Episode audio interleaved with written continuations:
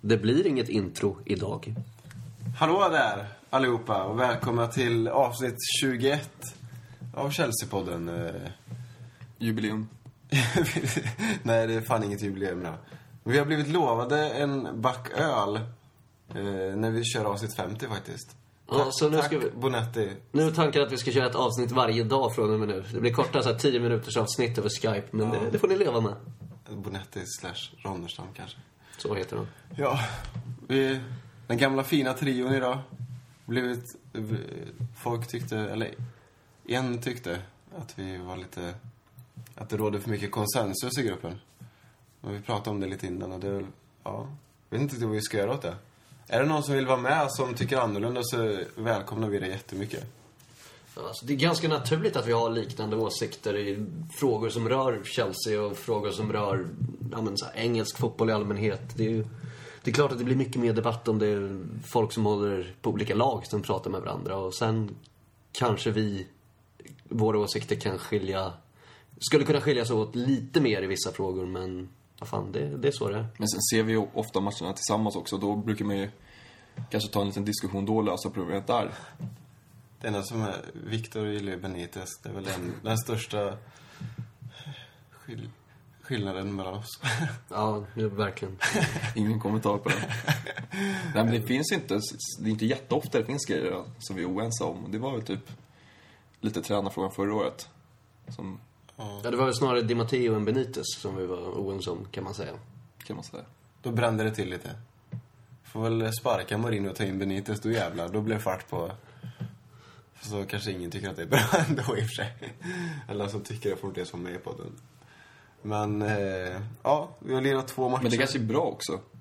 Vadå? Att det inte blir så mycket diskussioner. Alltså är det harmoni i klubben, då finns det inte så mycket att Jag tänkte på det också. ha olika åsikter om. Ja, det är ju ett gott tecken. Tråkigt för lyssnarna, men bra för klubben. Se vad som väger tyngst. Det kanske är bättre att det går bra för klubben. Laget för jaget. Ja, fint sagt. Och det har varit två matcher som vi pratade senast. En jävla platt match och en seger igår. Förrgår, för er som lyssnar på fredag. Skitsamma, onsdags i alla fall. Men vi tänkte väl börja med, med Newcastle-matchen som var en st- stor jävla katastrof. Jag har suttit och hyllat laget så jävla mycket. Och hånskrattat lite åt eh, Nightmare November. Men det började ju inte så jävla bra i november. Ja, det blev ett platt fall, verkligen, från de här sex raka segrarna och... Mm, det känns som att vi kan vara lite väl positiva i förra veckans podcast då vi hyllade allting egentligen. Men ja, vi gjorde väl ingen bra match mot Newcastle. Väldigt så här lojt och mycket felpass och ja, slappt på alla sätt och vis. Men jag och Daniel hade jinxade att vi skulle få det svårt. Eh, det var väl inget man trodde egentligen, men det visade sig tyvärr stämma. Eh, och det, inte, det finns väl inte så mycket att säga om matchen, men någon som hade skrivit att skit i att ta upp Newcastle-matchen. Jag kände bara att jag vill hålla med honom. det är kanske är dumt att ha en podd och inte ta, ta upp matcherna vi spelar. Någonting finns väl att säga. Det var väl, alltså första halvlek var ju fortfarande extremt tråkig jävla match överlag. Och då var det inte så att Newcastle var bättre i första halvlek tyckte inte jag. Men sen i andra halvlek var jag bland det sämsta jag sett på länge. Det enda roliga i första halvlek, det var ju typ Ivanovic försökte bicicleta. Ja, Ja, men precis. Inte ens när vi låg under med ja, dels, alltså framförallt 1-0, men även 2-0 så fanns det några tendenser till att ens skapa målchanser och göra mål. Det var väldigt, väldigt blekt och extremt intetsägande match. Det är svårt att peka, peka på vad det var som var fel och, och så, mer än att liksom ingenting funkade. Jag brukar aldrig klaga efter honom, men vi borde fan haft en straff där. Med Hansen när han lägger ut handen i, ja. i gräset liksom och stoppar bollen. Den är inte i närheten och inte i kroppen. Då stod det väl 1-0 Ja, dessutom. precis. Och sen brände ju tog ett jätteläge, jag tror innan där, eh, som tar mitt på backen från Ja. typ två meter. Så det, det var väl egentligen det vi skapade också. Så att, De här dubbla ribbträffarna på hörnen där med Terry och Ivanovic i första halvlek också. Så vi hade väl lite, men inte tillräckligt uppenbarligen. Nej, mot ett lag som Newcastle, de har inte direkt varit bra i år. Så man borde förväntat sig mer. Eller man förväntade sig mer rättare sagt. Och som Mourinho sa, han gjorde 11 fel. Han tog ju i ganska hårt i och för sig, men det snodde låg någonting i det.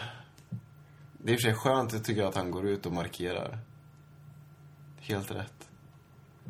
Ja, men sen Newcastle, jag vet inte säga, de gjorde väl bra på sitt sätt, men de försvarade med många ma ma man hemåt och sen kontrade de ju. Och sen i andra halvlek då var det liksom de som styrde spelet och skapade målchanser. Men de hade ju liksom två jättelägen redan innan 1-0 kom. Eh, när Tjeck gjorde en jätteräddning och två gånger om till och med där. Så att 1-0 hängde ju mer i luften för deras sida. Skönt du inte var där. Var du sugen? Du såg sugen ut i lördags och var där. Alltså, Newcastle är alltid Newcastle. Det torskade förra året när jag var där och hade hur Då var bra du som med i helst. TV. Ja, precis. Det vägde upp allt.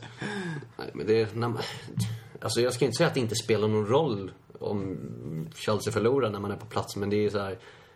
Det spelar mindre roll när man är på plats, tycker jag, än när man kollar hemma. Eller kollar liksom på TV, för att... Ja. Själva matchen som sådan betyder så mycket mer för din lördag när du kollar på TV än vad den gör om du är på plats, för att då är det så mycket innan och efter som är roligt. Så. Och när man har sett 95 matcher också. Vem har sett 95 matcher? Nästan 92. 91. Ja. Nej, fan jag vill inte säga någonting mer om den. Nej, vi skiter i det. Vi går vidare. Bra sagt på forumet. Eller på vart fan det nu var. Va? Han som sa att vi skulle skita i Newcastle Ja, ja. Hen, jag vet det kanske var en tjej. Det är aldrig någon tjej som kommenterar. På Twitter är det en som är ganska aktiv. Är det ingen tjej som tycker någonting om Chelsea? Tydligen inte. Dåligt. Vi uppmanar till det. Eh, Mer jämställdhet. det tycker jag verkligen. Eh, desto roligare var det ju som sagt mot Schalke. Vi kom ju från en 3-0-seger borta och vi slog dem med 3-0 hemma också. Med ganska mycket då. Sex spelare byttes väl ut från Newcastle-matchen. Jag har inte räknat, men det Ja. var väl något sånt säkert. Det stämmer nog.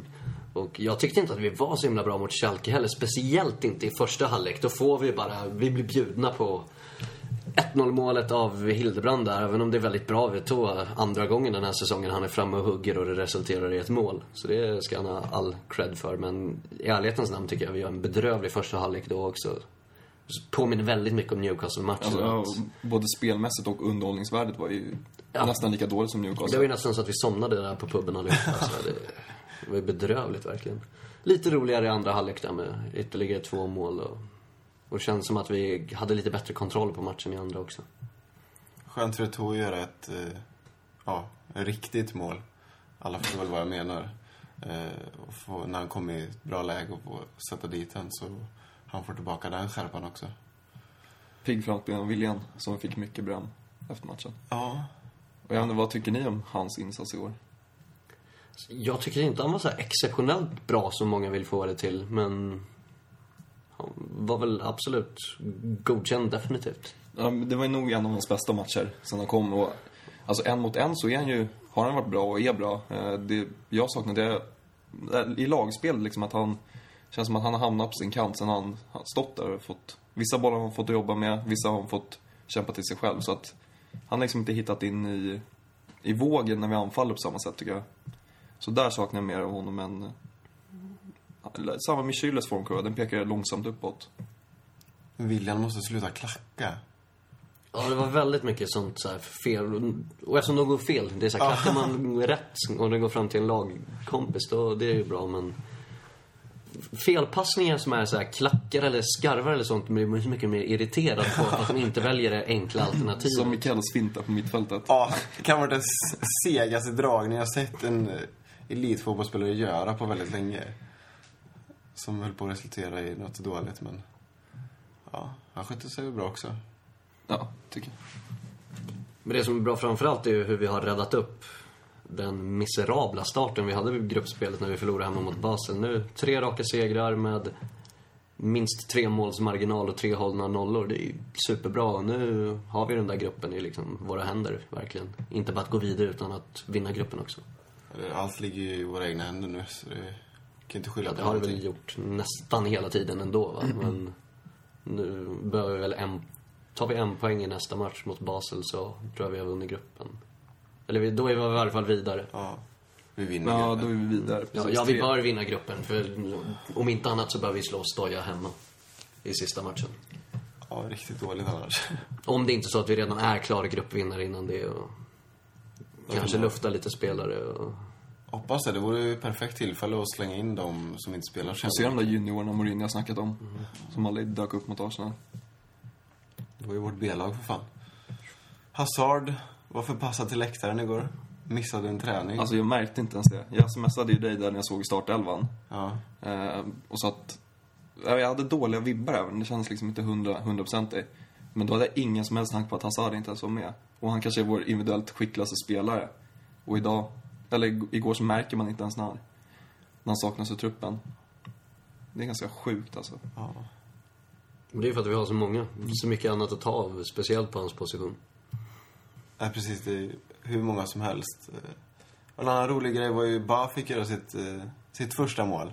Ett li- ligga i luften-mål igen, som lite så här United-vibbar när han gjorde det målet. Och City också. Ja, City Ja. också där. Han gillar att ligga. Den bara...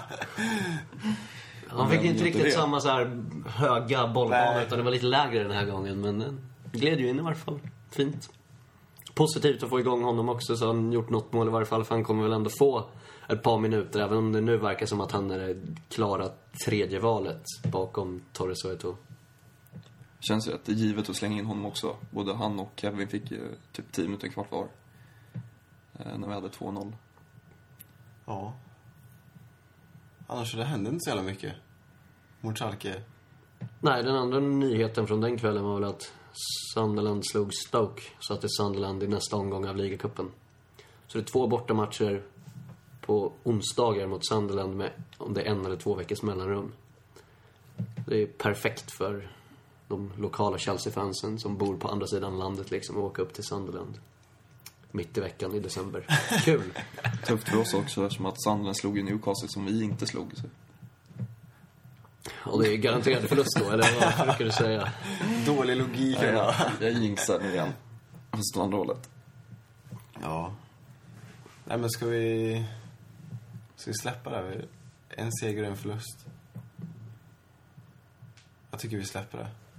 Vi går vidare till, till våra underbara lyssnare som har skickat in en jävla massa frågor idag också. Så vi... Och återigen så jävla massa frågor sägs i positiv Ja, absolut. Jag låter ju alltid negativ när jag pratar, men jag är oftast alltid positiv. Jag har ju, har ju tydligen en lite trött röst. Det är inte så mycket jag kan göra någonting åt. Ni får väl ha mig som app, somna med Andreas istället för att somna med Reinfeldt. Du kunde inte hjälpa att du är från Falköping. Eller hur? Det är mammas och pappas fel. Eh, Men vi börjar. Vincent skriver, eh, Eto'o har tappat lite av sin snabbhet men skärpan i sinnet är fortfarande världsklass.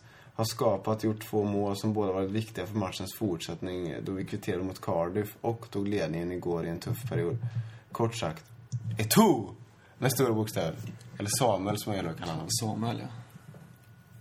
Ja, det var inte så mycket Vad- fråga kanske. Det var mest ett påstående. Nej, det var... Ja. Men det är sant, han är, jag tycker det är jävligt kul. Torres har spelat jävligt bra. Eto'o verkar ha ryckt upp sig också. Kommit igång. Han har gjort fyra mål i alla fall. Och han är delaktig i spelet. Det är många gånger han är... Eh, alltså speciellt igår, då, när han kom ner och mötte boll. Och då gick William upp som anfallare. Eh, och jag skulle vilja se... Nu har vi haft många anfallare som gillar att möta boll, men har han så här, vad ska man säga, hjärndöd anfallare som bara ligger och hugger i backlinjen. typ en eh, Mario Gomez eller något, något liknande.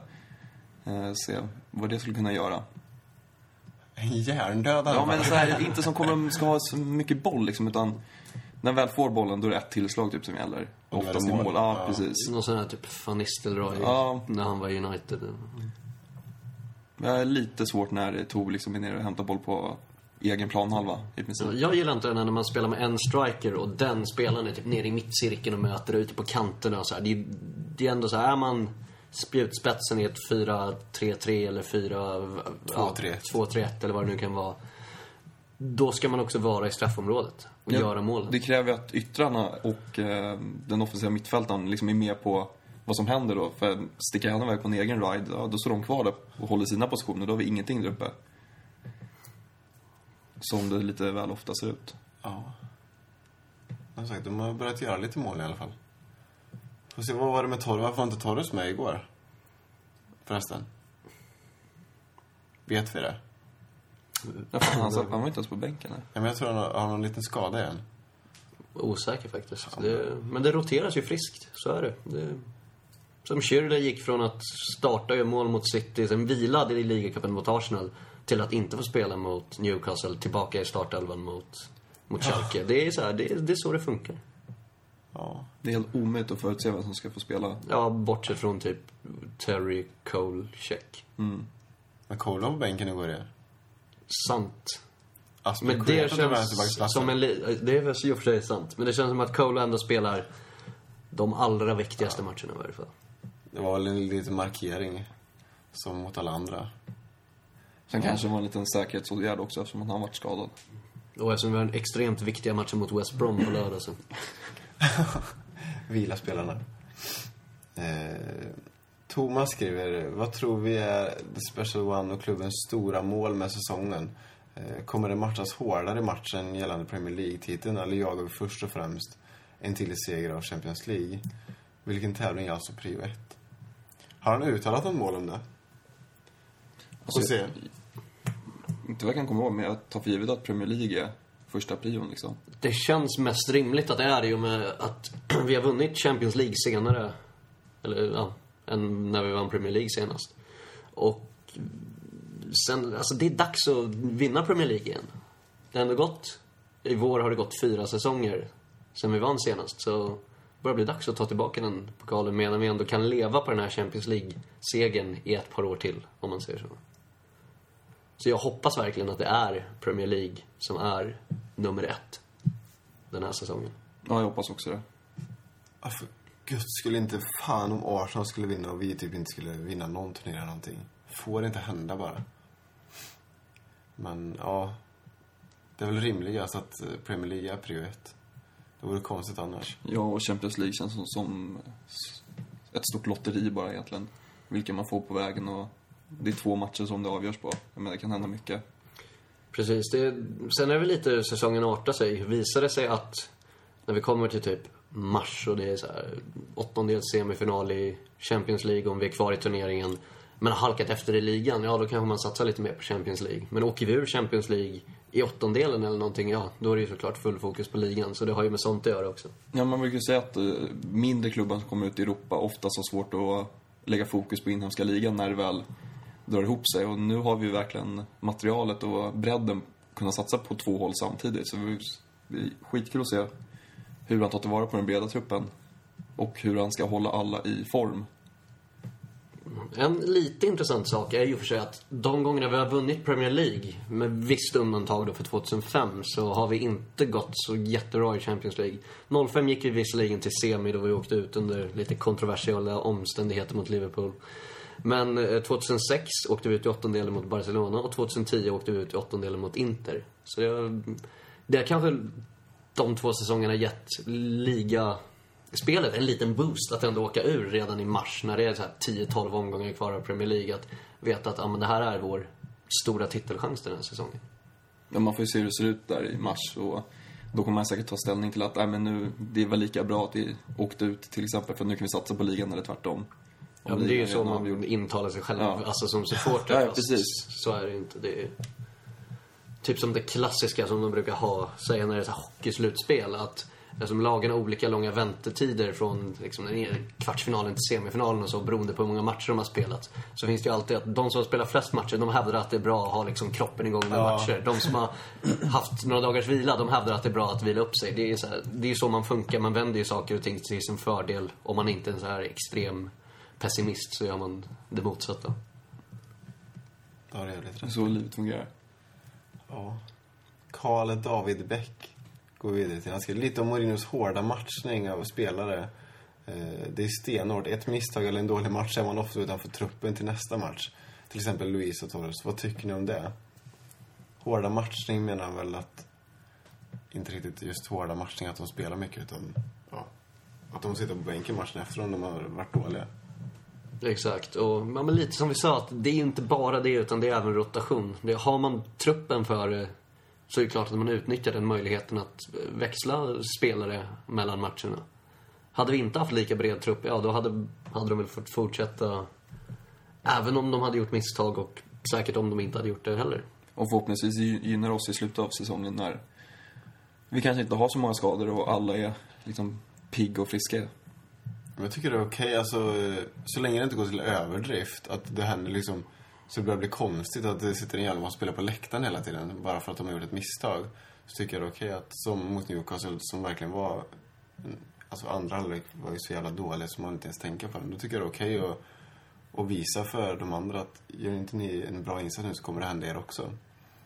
Mm. Sen är det väl tacksamt för Mourinho om det finns, när han ändå måste välja mellan så många spelare, om det finns några som är lite enklare att ja, men sätta på bänken till nästa match, om det finns bra anledningar. Det, då är det klart att han utnyttjar dem, så att säga. Mata uppenbarligen.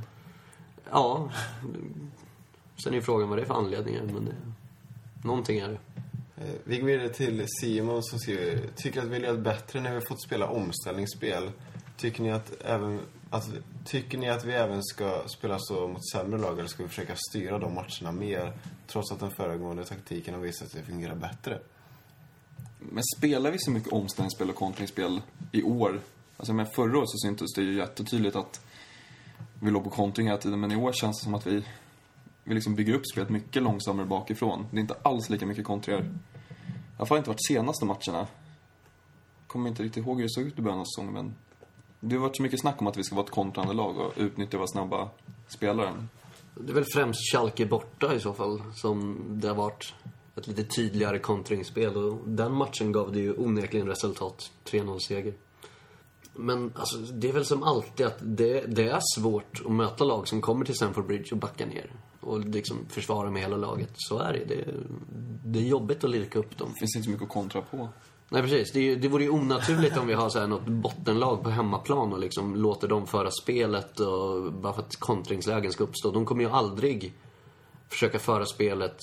kommer aldrig vara På Stamford Bridge, på liksom. planen. Precis. Och Vilket jävla liv det skulle bli bland fansen. Att Ja. vi låter dem hålla... Ja, men det var som mot Schalke. Det var ju de som höll i taktpinnen första kvarten. Vi fick ju knappt låna bollen. Och då satt vi och svor över liksom hur det såg ut. Undrade vad som hände. Precis, Det blir bara konstigt. Det är onaturligt. Mycket. Eh, Gustav skrev, Eto'os insats i det stora hela under gårdagens match. eh, Även hur pass hållbar ni tror Arsenals potentiella segermaskin kommer att vara. Märker ändå en viss oro över Arsenals framfart bland många. Ja, Alltså ju längre det går utan att de börjar förlora så, desto mer orolig blir man ju. För det är ju någonting man hela tiden har sagt att ja, men snart kommer de tuffa matcherna och snart kommer det liksom börja dala och... Det var en ganska tuff match igår. Dortmund borta som de lyckades vinna med 1-0. Fast de är långt ifrån klara från att gå vidare från den gruppen, även om de leder gruppen. Dortmund är överskattad tycker jag. I år. Ja, men så att, visst, de slår Dortmund borta, men, men hade de... Förra året så hade jag sett som en mycket större bedrift än vad det är i år. Men Malaga på att slå Dortmund borta förra året. Det var det jag säger. Ja, Så att den där gula väggen tycker jag är överskattad. men överlag, ja. Alltså de har ju... Deras ordinarie lag är ju jävligt bra. Sen har de inte en lika bred trupp som vi har. Vi, har, vi är minst lika bra eh, ordinarie lag som de har. Eh, och vi har en bredare trupp. Men har de inga skador så, så kommer de ju garanterat vara kvar uppe i toppen. Mm. Sen har ju vi även lite mer, vad ska man säga, rutin om att vinna och så. Spelare som har varit med och vunnit Premier League och många som har vunnit Champions League också. Vilket saknas i Arsenal. Men å andra sidan är de kanske lite hungrigare då, så jag vet inte, sånt jämnar säkert ut sig. Det var ju inte särskilt många som var vana att vinna titlar i det Chelsea som sprang hem ligan och slog poängrekord 2005, så det kanske inte säger så mycket. Och sen får vi se, de har ju en tuff match nu på söndag mot United. Det kan också vara en liten fingervisning om hur det kommer att gå i framtiden för dem. Men om de vinner den liksom, då Då, blir, kommer folk bli ännu mer oroliga. Ja, bara frågor om Arsenal nästa, nästa podd. Eh, men jag tycker vi, han frågar om Eto'o också. Det tycker vi har pratat om ganska mycket. Så vi, vi, vi skippar det. Eh, vi går vidare till Henrik som skriver eh, Aspi som vänsterback. Det fick vi se igår. Det har vi varit inne på lite tidigare också. Att han skulle kunna vara backup till Ashley Cole. Det pratade vi om i en tidigare podd. Men igår gjorde han det bra. Alltså första matchen med Schalke tyckte han var sådär, men... Sen är det så här, han är ju högerfotad. Eh, han kommer oftast ha Hazard framför sig.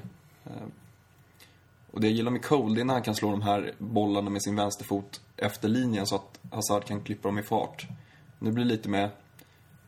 Att det kommer hacka lite mer, för en känsla av. Och det blir naturligt som högerfot om man är på vänsterkanten att kliva in i banan hela tiden. För Precis. att kunna fördela bollar. Men, men löser han det så är det väl inte så dum idé. Sen har jag klagat många gånger på hans inläggsfot. Men den blir ju bättre, men Och så får han använda vänster nu istället. ja. En kortsiktig lösning.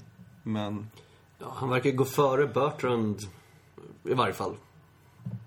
Och även om man Han ska är en ta... bättre försvarare än Bertrand. Ja, men det är han ju absolut. Men ändå är det ju inte på hans naturliga position. Så jag vet inte om det är ett gott tecken liksom att Aspelekueta är en väldigt bra vänsterback eller om det är ett dåligt tecken att Bertrand är en dålig vänsterback. Och sen kan jag, har svårt att se liksom Burton, eller eh, Aspelekueta följa med upp i mer in i straffområdet liksom som Cole har en tendens att göra. Eh, med de här korta väggspelen med Hazard. Så, ja, jag vet inte.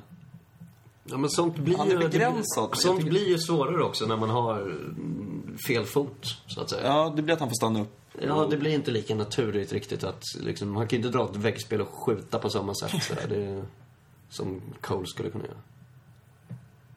Alltså jag tycker ytterbackarna, de ska ha rätt fot. Det ska vara högerfotad på högerbacken och vänsterfotad på vänsterbacken. Allt annat blir bara konstigt. Mindre som kan gå fel. Det får jag se. Ashley är nog tillbaka på lördag och startar så slipper vi, slipper vi oroa oss över det på ett tag. Daniel skriver någonting som vi inte kommer ta upp. Eh, men eh, Oskar får en liten hyllning också. Martin skriver mer Oskar berättar. Jag vet inte, det skulle bli konstigt om det är två Oskar berättar i varje avsnitt.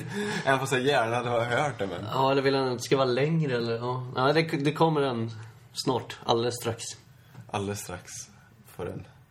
Eh, Kim skriver, det skulle vara intressant att höra vad ni killar tycker om hur våra nyförvärv i somras eh, har skött sig hittills. De har inte fått spela så mycket. Alltså, ser man van Ginkel skadad, De Bruyne har inte fått spela mycket, William har inte spelat så mycket. Det är väl Schürrle Som har spelat mest. Ja. Och den, den mest positiva nyförvärven. ja, det är väl han som det är Ja, liksom. han, har spel, han har ju fått spela, så han har man fått Ja, det är väl en indikation på Ja. att han har varit hyfsat bra i varje fall. Men jag gillar att han mot Schalke sist, att han tog ganska mycket avslut. Jag tror att det är lite därför, eller mycket därför att han värvades. Men när han går in med sin högerfot, han gör ju ofta det i landslaget och vågar ta skott. För att vi skjuter ju, tjatar om det varje vecka känns som, att vi skjuter för lite utifrån. Och Schürrle, nu har han börjat, jag tror han har två eller tre avslut mot Schalke.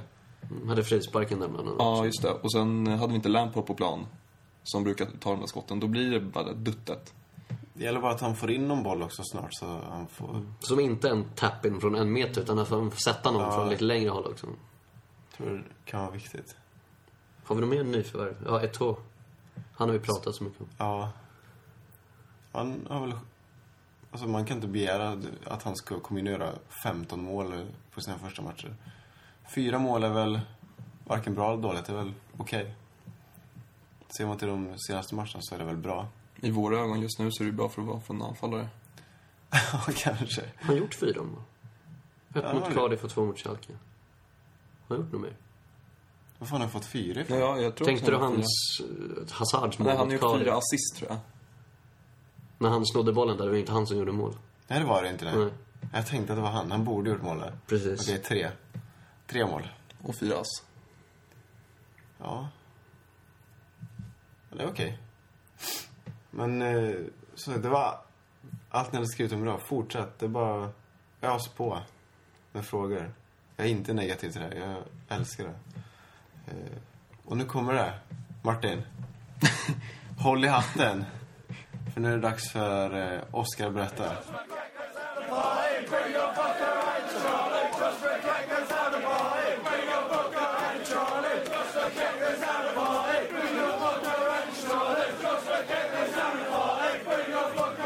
Ja, eh, kan börja med att be om ursäkt för att jag är lite förkyld och kanske lite jobbig att lyssna på den här veckan. Men det får ni stå ut med om ni så gärna vill höra Oscar berätta. Täppt i näsan.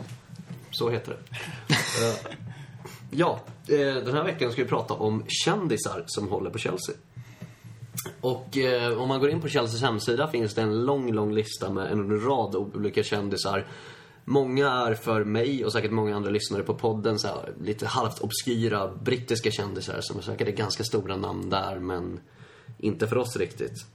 Och många av de här börjar man liksom undra också hur pass mycket Chelsea-supportrar är de egentligen? Namn som Owen Wilson, Gordon Ramsay, Kylie Minogue, Michael Caine, Will Ferrell och Tara Reid. Det är väl sådana som Tara Reid. Ja. kanske tycker om att dyka upp på så här events i samband med matcher för att på något sätt sola sig i glansen. Många av de här har liksom synts i samband med Chelseas träningsmatcher i USA. Men, ja. Alltså jag vet inte, jag ska väl inte snacka för mycket skit om dem. Will Ferrell, hans blod kanske kokar varenda gång Tottenham gör mål. Och Tara Reid, jag vet inte, hon kanske går upp halv sex på morgonen där borta i Hollywood och kollar på någon tidig ligamatch borta mot Newcastle. Det är lejon i svanken. möjligt det med. I så fall, all cred till dem. Men eh, det vi ska ta upp här egentligen är såna Chelsea-fans som vi vet är liksom riktiga Chelsea-fans, som är proper Chelsea. Och eh, ett par stycken här som, ja men antingen var med under the bad old days, har hållit på Chelsea väldigt länge alltså, eller som på ett eller annat sätt liksom, kan man veta att de här är riktiga Chelsea-supportrar. De, de håller faktiskt på Chelsea. Det, det är inte bara någon någonting de försöker sola sig i glansen av klubbens framgångar eller så. Så jag har tagit ut fem stycken utan inbördes ordning som är kändisar som är, jag tycker är ganska så här schyssta personer och som är riktiga Chelsea-fans. Och då börjar vi med Damon Albarn som var sångare och frontman i bandet Blur som var det stora britpopbandet på 90-talet tillsammans med Oasis. Och eh, det är ju allmänt känt att Oasis medlemmar, speciellt bröderna Gallagher, är Man City-fans. Och deras värsta rivaler då, eh, Blur, var alltså Chelsea-fans. Eller åtminstone sången Damon Albarn då. Eh, som han gick på mycket matcher, på, framförallt på tidigt 90-tal innan Blur slog igenom. Och det är mm, folk som jag har sett diskutera det här på Chelsea-forum har sagt att de har sett honom på bortamatcher på 90-talet och sådär. Så det är inget snack om att han är en riktig Chelsea-supporter. Sen har vi Lord Richard Attenborough. Som är en regissör och skådespelare från Storbritannien. Kanske mest känd för mig i varje fall, som den gamla gubben i Jurassic Park. Um, han har gått på Chelsea sedan 50-talet. Det här är en väldigt gammal gubbe. Och eh, satt faktiskt med i Chelseas styrelse mellan 69 och 82. Så det råder ju... Ja, det är inget snack om att det är någon glory hunter här. En annan som vi har är Lord Sebastian Coe. Som vann OS-guld på 1500 meter för Storbritannien 1980 och 1984. Och han var även chef för kampanjen för att få OS till London 2012. Som ju var en lyckad kampanj eftersom de fick OS. Han har varit Chelsea-supporter sedan 1966 då han såg sin första match på Stamford Bridge. Och eh, har gått på mycket matcher genom åren. Och han sa efter Champions League-finalen i München, som han givetvis såg på plats, att när Drogba skulle stega upp och slå sin straff så hade han lätt bytt bort båda sina OS-guld mot att den bollen skulle sitta i mål. Och som tur var behövde han ju inte göra det. Sen har vi den fjärde på den här lilla listan är Johnny Lee Miller som eh, slog igenom i kultfilmen Trainspotting som kom ut 95 eller något sånt där. Och som på senare år har synts i den sjätte säsongen var det väl av tv-serien Dexter. Då han spelade The Bad Guy. Ber om ursäkt för spoiler där för er som inte har sett. Eh, Han är även känd för att han var gi- gift med Angelina Jolie i tre år. Och det här är också en kille som är proper Chelsea och det har jag fått bekräftad på Twitter av, eh, av en äldre Chelsea-supporter som jag känner som har sett Johnny Lee Miller på matcher. Så det är en riktig Chelsea-kille det här. Sen har vi femte plats, eller den femte omnämnda, som är delat mellan två. Som är Suggs och Woody från bandet Madness. Det är väl det, är väl det band med allra tydligast Chelsea-koppling. Um, det är ett London-band och ja, de är som sagt Chelsea-supportrar, åtminstone två av dem. Och är väldigt populära bland Chelseas fans. När de har spelningar så är det mycket Chelsea-fans på plats. Och de var till och med spel- med och spelade in fa Cup-finalsången 1997, Blue Day. Så var Suggs, sången i Madness, eh, var med och spelade in den tillsammans med Chelseas trupp. Så det är proper Chelsea där också. Sen har vi en liten bubblare som är värd omnämnande här och det är Bill Clinton, före detta president i USA. Som studerade i Oxford på 80-talet, eh, gick på universitetet där. Och gick på, tydligen på en hel del Chelsea-matcher under den här perioden trots att Chelsea knappast var det liksom hetaste laget på 80-talet. Snarare tvärtom. Och eh, som bekant så har han även döpt sin dotter till Chelsea. Och om det är på grund av vårt favoritlag eller någon annan anledning låter vi vara osagt. Men eftersom han tydligen också håller på Chelsea så kan man väl gissa att det finns någon koppling där i varje fall. Och avslutningsvis så är det en som det inte nämns ofta som Chelsea-supporter men det är inte riktigt liksom bekräftat om han verkligen var en engagerad supporter eller inte. Men han är den överlägset coolaste som nämns i sådana här sammanhang så därför går det ett hedersomnämnande till Joe Strummer som var sångare i The Clash. Han, jag hoppas att han var Chelsea-supporter, det hade gjort mig glad. Och det var allt. Jävla tur att du inte tog upp Drake och Justin Bieber.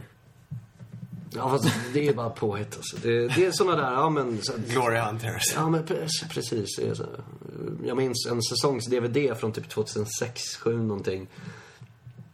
Det var just då typ Tara Reid också syntes på någon så här... Uh, Chelsea hade något mingel någonstans uh, i LA eller vad det var.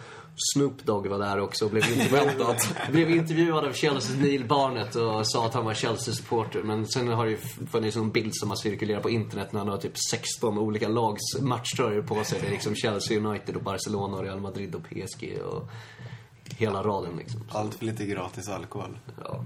För honom. Ja. Jag kommer ihåg den där bilden på Will Ferrell och David Luiz när de stod bredvid varandra med sina krull. Det var väl från, det måste ha varit från USA. Det var nu i somras, eller var från förra sommaren. Ja, Alltså där med Will Ferrell, han har ju... Det är någon bild och han står i matchtröjan från 2002 till 2005, den matchen vi hade då. Så jag vet inte riktigt om det är någon slags så här, var han Chelsea-supporter eller då? Eller han tänkt på, aha, jag ska ta en lite äldre matchtröja så att folk ska tro att jag har det med från den tiden. Det är så här. var inne på Ebay innan liksom. Ja, precis. den. Man funderar lite hur, hur det gick till där. Alltså svårt att se amerikaner gilla fotboll på något sätt. Alltså, ja, andra sidan, jag känner flera Chelsea-fans från USA som gör enorma uppoffringar för att följa sitt lag. Alltså det, de betalar ju jättemycket pengar för att flyga över och se matcher och bli jetlaggade och allt sånt där. Så, Det så det finns ju definitivt man ser- genuina fotbollsfans på den sidan Atlanten. Man ser ju när vi är i Seattle och har spelat, alltså hur mycket folk det är på läktarna som har blåa tröjor. Alltså, helt sjukt. Det har jag tänkt på, har vi någon eh, känd svensk som är Chelsea-supporter? Jag ska tänka nu. Um, David Fjell är väl? Ja, det är väl lite sån här media och sånt så här. David Fjell, Hasse Backe. Hasse Backe, Fredrik Pavlidis i viss mån.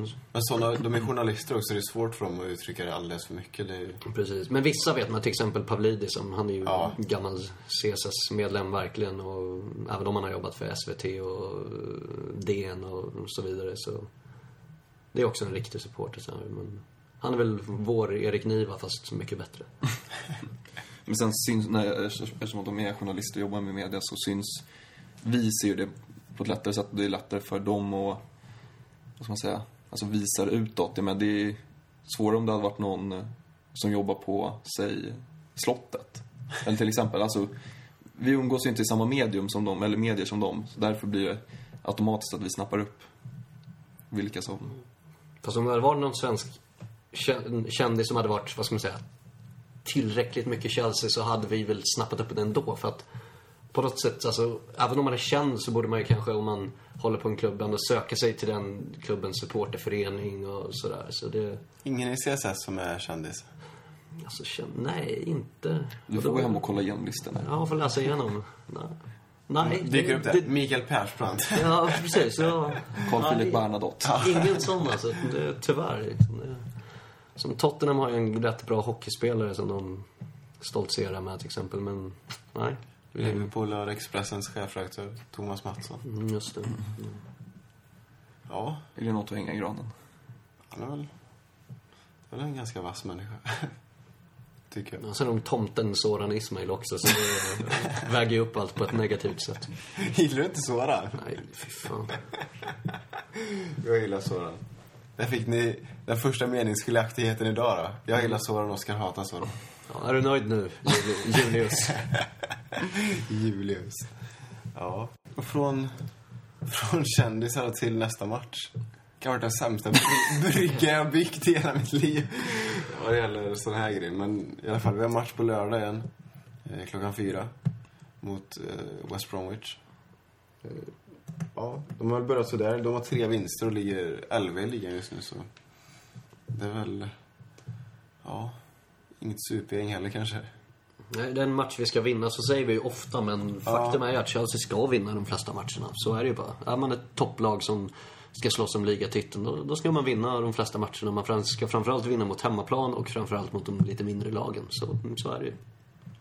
Och det är hemmaplan på, på lördag också. Så. Och även om West Brom är en inte så tokig klubb som har gjort många fina säsonger med många fina resultat i Premier League. Så har vi väldigt lätt för dem på hemmaplan. Vi vinner alltid. Jag vet inte om vi någon gång i Premier League har tappat poäng hemma mot West Bromwich. Vi vann med 1-0 förra året, vi vann med 2-1 året innan det, vi vann med 6-0 året innan det. Bayern gjorde mål förra året mot dem. Hemma. Kanske han får starta nu på lördag. Nej, Samuel startar. Så Får vi se om, jag vet inte, är Annika frisk och kry? Spelar han någonting där? Jag har sett någon, jag, vet inte, Ja, jag har sett spelar någon match med honom, då så spelade han. Brände sig ett drömläge. Deras, han som leder skytteligan i deras lag har gjort två mål. Och det var Starkt. inte Annika. ja, men lirar han så lär han göra mål, såklart. Så är det ju. Garanterat. Släkten är värst. Ja, så är det alltid. Det vore kul om han lirar på ett sätt. Man får se honom. Ni ska till Västerås. Jag ska inte till Västerås, men du ska till Västerås. Ja. Precis, CSS-träff där med en Chelsea scout. Så nästa podd kan man kan ha lite roligt innehåll därifrån att bjuda på. Han borde ha lite ja, intressant att säga om Chelsea och framförallt klubbens ungdomsverksamhet. Det skulle vi definitivt kunna ta ta honom. Han skulle säkert kunna ha en del. Går han i Stockholm eller? Han bor i Örebro, men Då fan fan. Eller så får vi ta oss dit till Eller så spelar de på telefon. CSS får väl bjuda på tågbiljetterna. Ja. Men nej, det ska bli roligt och det är över 60 pers anmälda så de träffar mycket gamla CSS-kompisar sådär. Så ja, ser vi fram emot och förhoppningsvis tre poäng mot West Brom också. Och det är inte för sent att ta sig dit, de som vill. Det är bara att gå in på vår hemsida och läsa så står det om CSS-träffen där. Så, så kanske vi ses på lördag. Men med ditt uppsnack inför matchen så är det ju tre poäng igen hemma i princip. Ja, ja, för fan. Det är inget snack om det. Inget snack om det. Vi kan inte förlora mot West Bromwich hemma. Om inte Anelka startar. Då kan det bli problem. In med poletterna bara. Va? Vad sa du? Jag var Nej. Sälj cykeln och satsa. Du får aldrig dra... Du ska dra dina skämt så här. Det var inte ens ett skämt, det var bara ett påstående. Men Liksom. de bygger på det. Ah, Skit i polletterna. Är det någonting ni vill ta upp innan vi rundar av här? Och kan inte du... Jag säger vad alla ska göra, sen så säger du nu skiter vi i det här. Nej, så jag bara hej då. jag var gammal duscha. Ja, då vet ni vad alla ska göra. Viktor ska hem och duscha. Men eh, som vanligt, eh, tack för att ni lyssnar. Eh, gilla oss på Facebook, följ oss på Twitter och lyssna på chelseasweden.com, svenskafans.com, podcaster i iPhone och IP, IP. eh, om ni har Android. Vi försökte göra ett kortare avsnitt den här veckan också. Hoppas ni uppskattar det. Även om vi har varit lite trötta och förkylda och sådär så lovar vi att vara tillbaka med full entusiasm snart igen. Och förhoppningsvis med scouten inom snar framtid. Löser inte Oscar så är han sparkad från podden. Eller så tar vi någon av de här topp fem kändisarna. Vi ska jobba på det. Ja, Tar då kan inte Viktor med för han kan inte engelska. Vi, Va? Vad vet om det? Ha det bra. Hej. One club.